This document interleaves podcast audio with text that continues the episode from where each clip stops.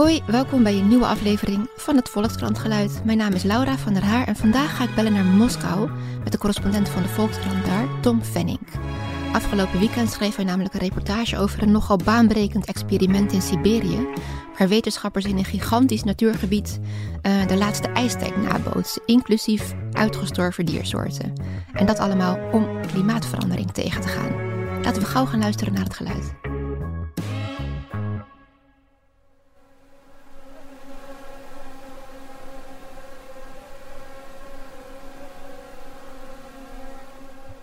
Wat we hier horen zijn uh, muggen, wolkenmuggen.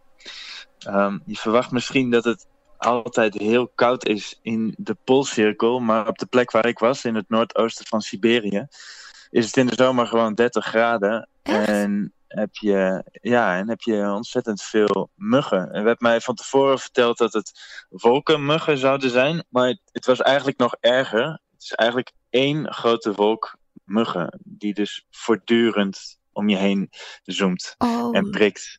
Serieus. Een soort nooit meer slapen van Hermans.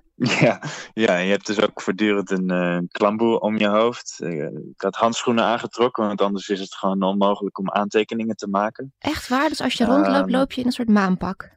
Ja, Ach, een soort bijenpak eigenlijk. ach.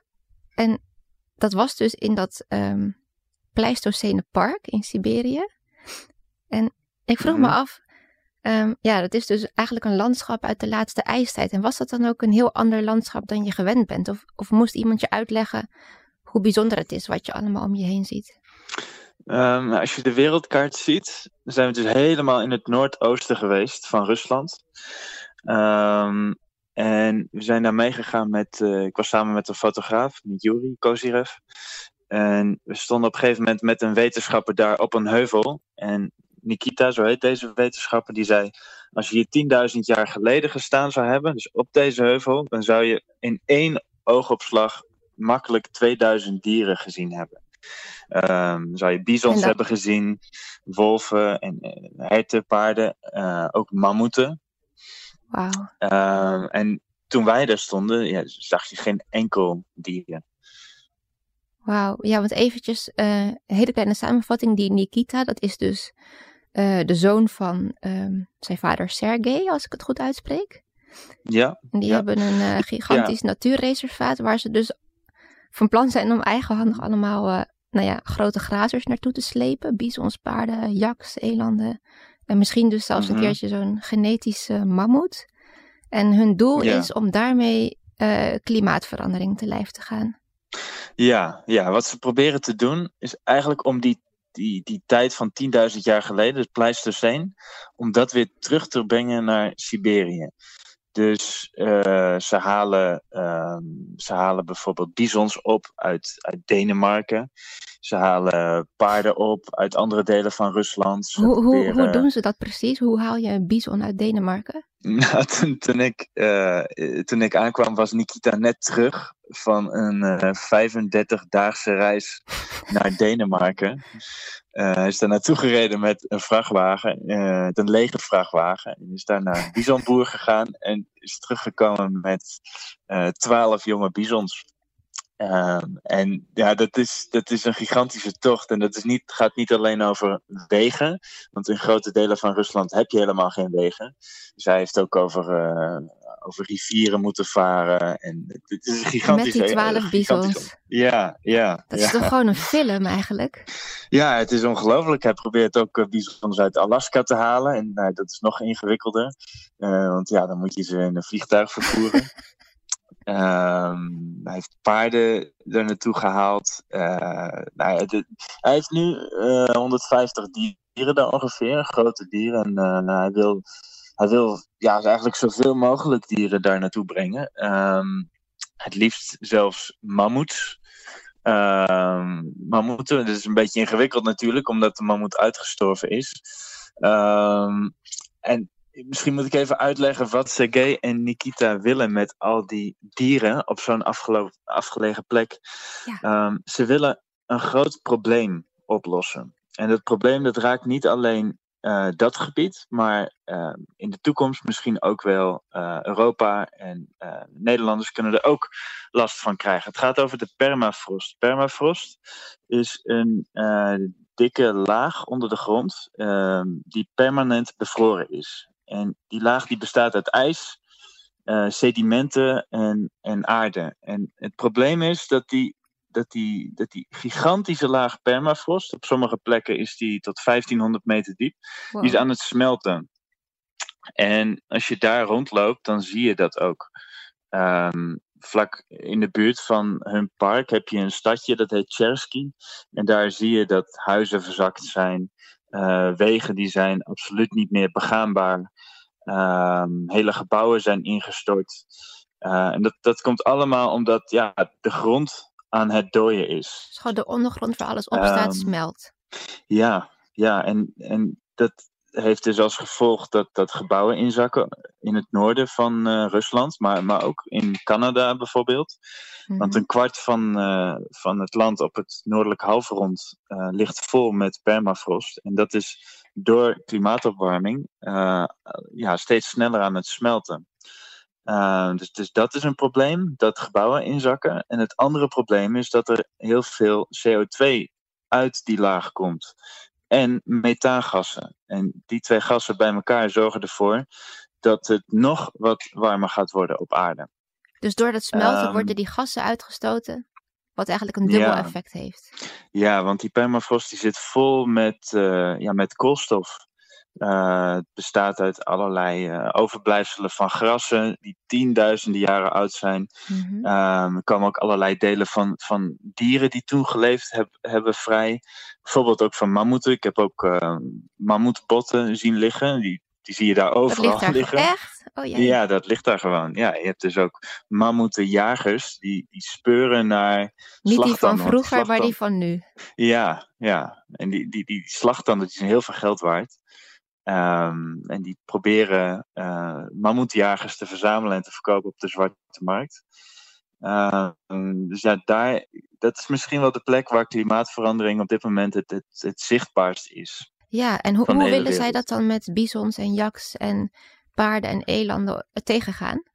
Hun idee is om, um, uh, om de bossen die nu in Siberië staan, om die te vervangen door graslanden. Net zoals het um, 10.000 jaar geleden was aan het eind van de ijstijd.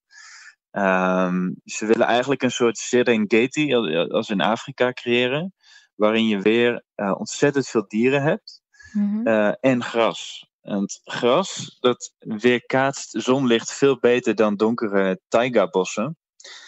Um, dus dat zorgt ervoor dat in, in de zomer dat de permafrost niet zo snel opwarmt. Uh, en in de winter uh, stampen al die dieren over de sneeuw op zoek naar gras om te eten.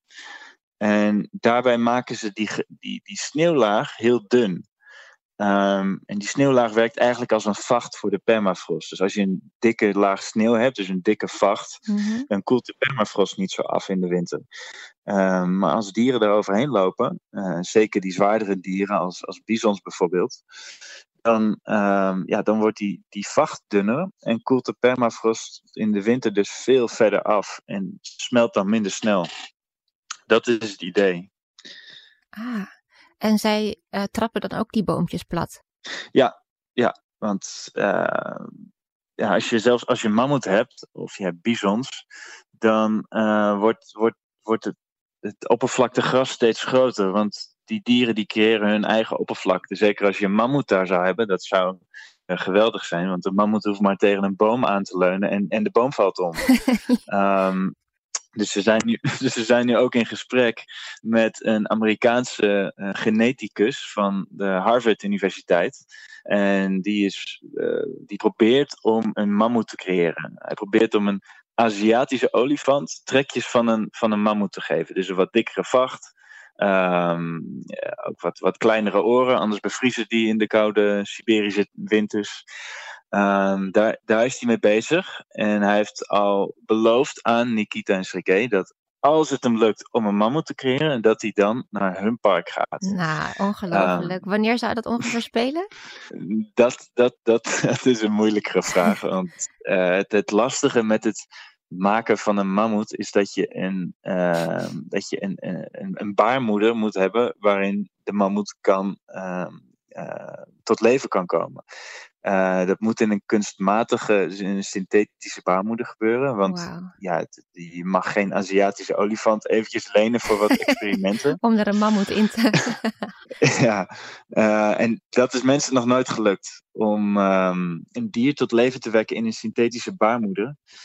Dus, en dan ja, gelijk ook een mammoet. En dan gelijk ook een mammoet. Dus het zal nog wel even duren voordat die mammoet echt in het park rondloopt. De, de wetenschapper die zegt dat hij binnen tien jaar er eentje kan leveren. Maar dat lijkt een beetje optimistisch. Maar goed, het is wel een wetenschapper van Harvard. Dus dat is niet de allerminste. Klopt. En wetenschappers over de hele wereld nemen dit experiment serieus. Um, voordat ik daar naartoe ging, uh, hoorde ik een beetje mensen zeggen van ja, dat zijn twee, uh, twee gekke oude Russen die, uh, die een beetje aan het klussen zijn in de pol Poolcirkel. Maar zo is het echt niet. Het zijn echt gerenommeerde wetenschappers. Uh, en toen ik daar was, heb ik ook heel veel wetenschappers daar ontmoet. Want die uh, gaan daar ieder jaar naartoe om onderzoek te doen in dat gebied. Mm -hmm. En uh, Duitse wetenschappers van het Max Planck Instituut, die, die nemen dit, dit experiment ook heel serieus. Het, het, de vraag is alleen, kijk, stel dat het werkt, dan heb je één park, heel ver weg, op een klein stukje permafrost. dat, dat gaat de permafrost niet redden. Dus je hebt heel veel van die parken nodig. Uh, en Nikita hoopt dat die parken uh, geleidelijk aan aan elkaar gaan groeien. Um, nou goed, daar heb je, heb je mensen voor nodig die, die bereid zijn om te investeren. De regering moet meewerken. Dus dat, dat is echt nog iets voor de, voor de lange termijn. Maar, dus het ja, idee is een soort experiment... ecologische hoofdstructuur, maar dan wereldwijd met bizons en mammoeten. En... Ja, ja, nou ruimte is er wel in Siberië. Dus dat, dat hoeft geen probleem te zijn. Maar de omstandigheden uh, zijn toch heel anders dan vroeger? Want het lijkt eigenlijk bijna te mooi om waar te zijn. Dat je gewoon met een paar lappen gras en wat extra dieren ja. weer een soort uh, ijstijdlandschap kan creëren. Nu is het toch bijvoorbeeld gewoon de mens, om maar even iets te noemen van een factor van. Uh... Ja, ik denk dat de mens wel het grootste obstakel is in dit plan. Uh, omdat je natuurlijk veel, veel, ook in Siberië heb je toch veel, uh, veel steden. Je hebt veel um, plekken waar naar gas geboord wordt, waar naar olie geboord wordt, spoorlijnen. Dat is natuurlijk een uh, probleem. Ja, um, ja, ja dat, dat is waar. Maar als je aan de ijstijd denkt, dan, ja, dan denk je natuurlijk aan ijs. Maar een heel groot deel van Siberië was dus uh, ja, een soort uh, Afrikaanse Serengeti met, met, uh, met ontzettend veel dieren. En op de plek waar Nikita en Sergei bij, bezig zijn, zie je al wel dat er veranderingen zijn in het landschap. Dus oh, ja? dat, dat, ja, je ziet wel trekjes van, van, van, van, van een Serengeti tevoorschijn komen. Dus je hebt eigenlijk al een kleine blik kunnen werpen op de ijstijd. Ja, ja, want ze zijn al even bezig. Ze zijn al tien jaar bezig. En ja, dat begint nu wel de eerste resultaten uh, uh, af te leveren. Ja. ja, ik kende eigenlijk ja. dat hele fenomeen van een Pleistocene park helemaal niet. En ik heb het even gegoogeld uiteraard. En ik zag dat er, dus wat jij net ook al zei, dat er wereldwijd misschien in potentie meer gaan komen. Uh, hoe, hoe kwam je eigenlijk bij deze, bij, bij, bij dit park en deze twee mannen terecht?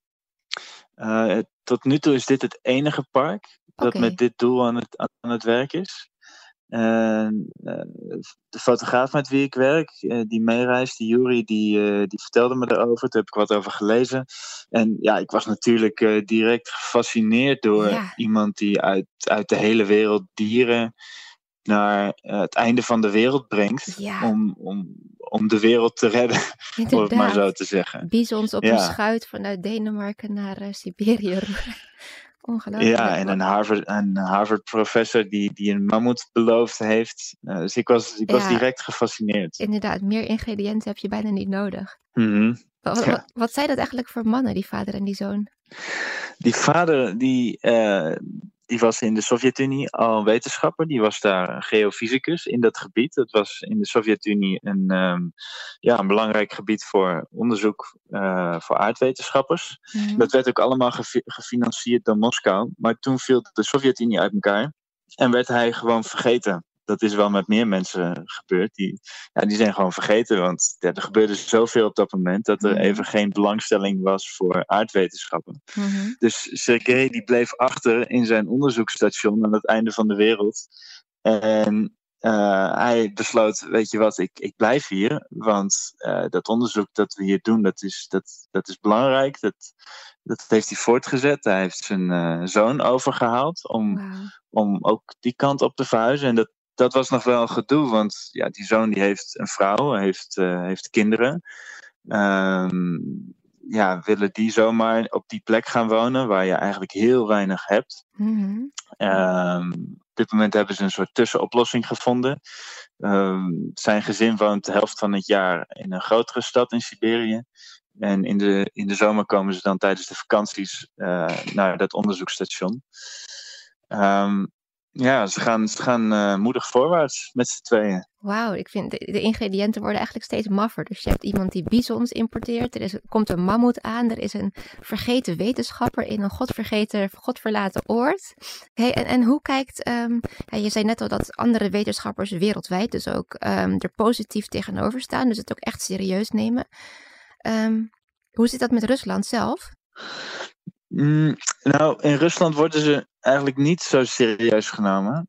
Eh, omdat heel veel wetenschappers in Moskou nog steeds denken dat de opwarming van de aarde bijvoorbeeld helemaal eh, geen resultaat is van de mens. Ehm, die denken nog steeds dat het eh, kapitalistische trucjes zijn om, eh, eh, eh, om te zeggen dat de aarde opwarmt. Mhm. Ehm, Nikita zelf zegt daarover.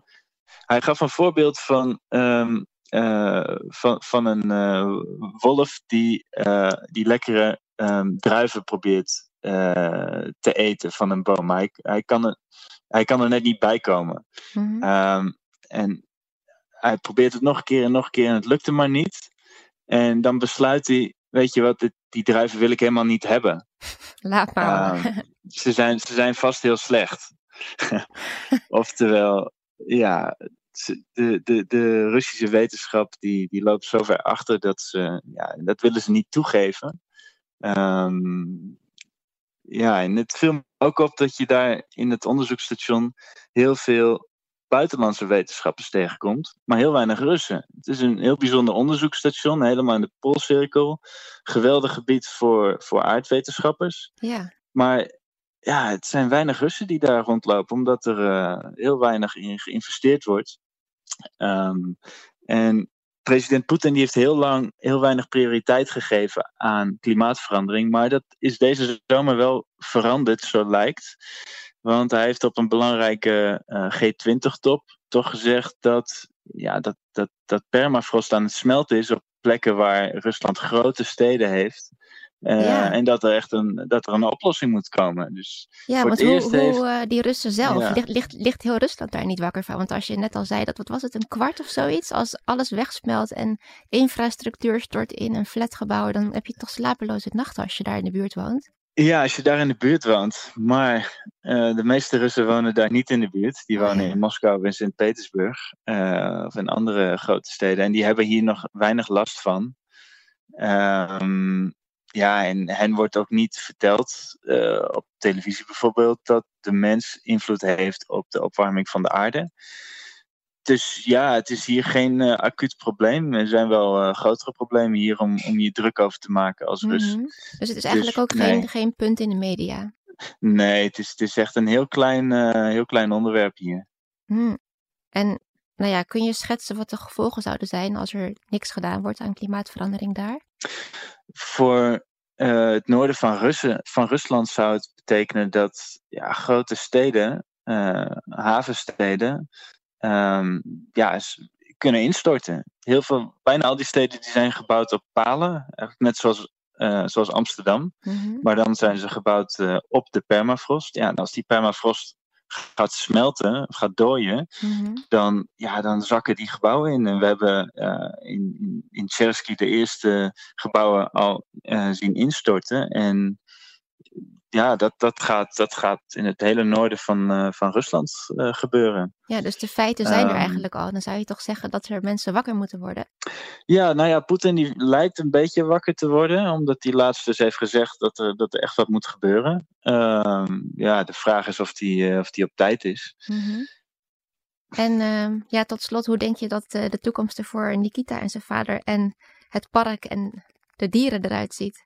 Ik vroeg Nikita ook naar, geloof je nou echt dat dit kan gaan werken? En hij zei, ja, ik, ik denk nog maar in de komende twee, drie jaar. Dus hij denkt niet wat het park op lange termijn kan opleveren. Dat heeft geen zin om daarover na te denken. Maar hij zei, eh, ik, ik, ik ben hiermee bezig omdat ik het eh, belangrijk vind. Het is een... ehm, het is een baan met betekenis, zei hij. En daar heb je er eigenlijk niet zoveel van in de wereld, banen met betekenis. Mhm. Uh, dus hij, uh, ja, hij gaat daar gewoon door. En uh, zijn vader die blijft daar ook. Ze, zijn, uh, ze geloven heilig in hun, in hun onderzoek. en zijn echt, ja, die, die, gaan, die blijven zeker daar, daar doorgaan met, met, met het grote experiment waarmee, waarmee ze bezig zijn. Fascinerend. Nou, ik hoop dat er heel snel een keer een film over komt. Dankjewel voor al je uitleg, Tom. Oké. Okay. Dankjewel, Laura. Doeg. Doeg.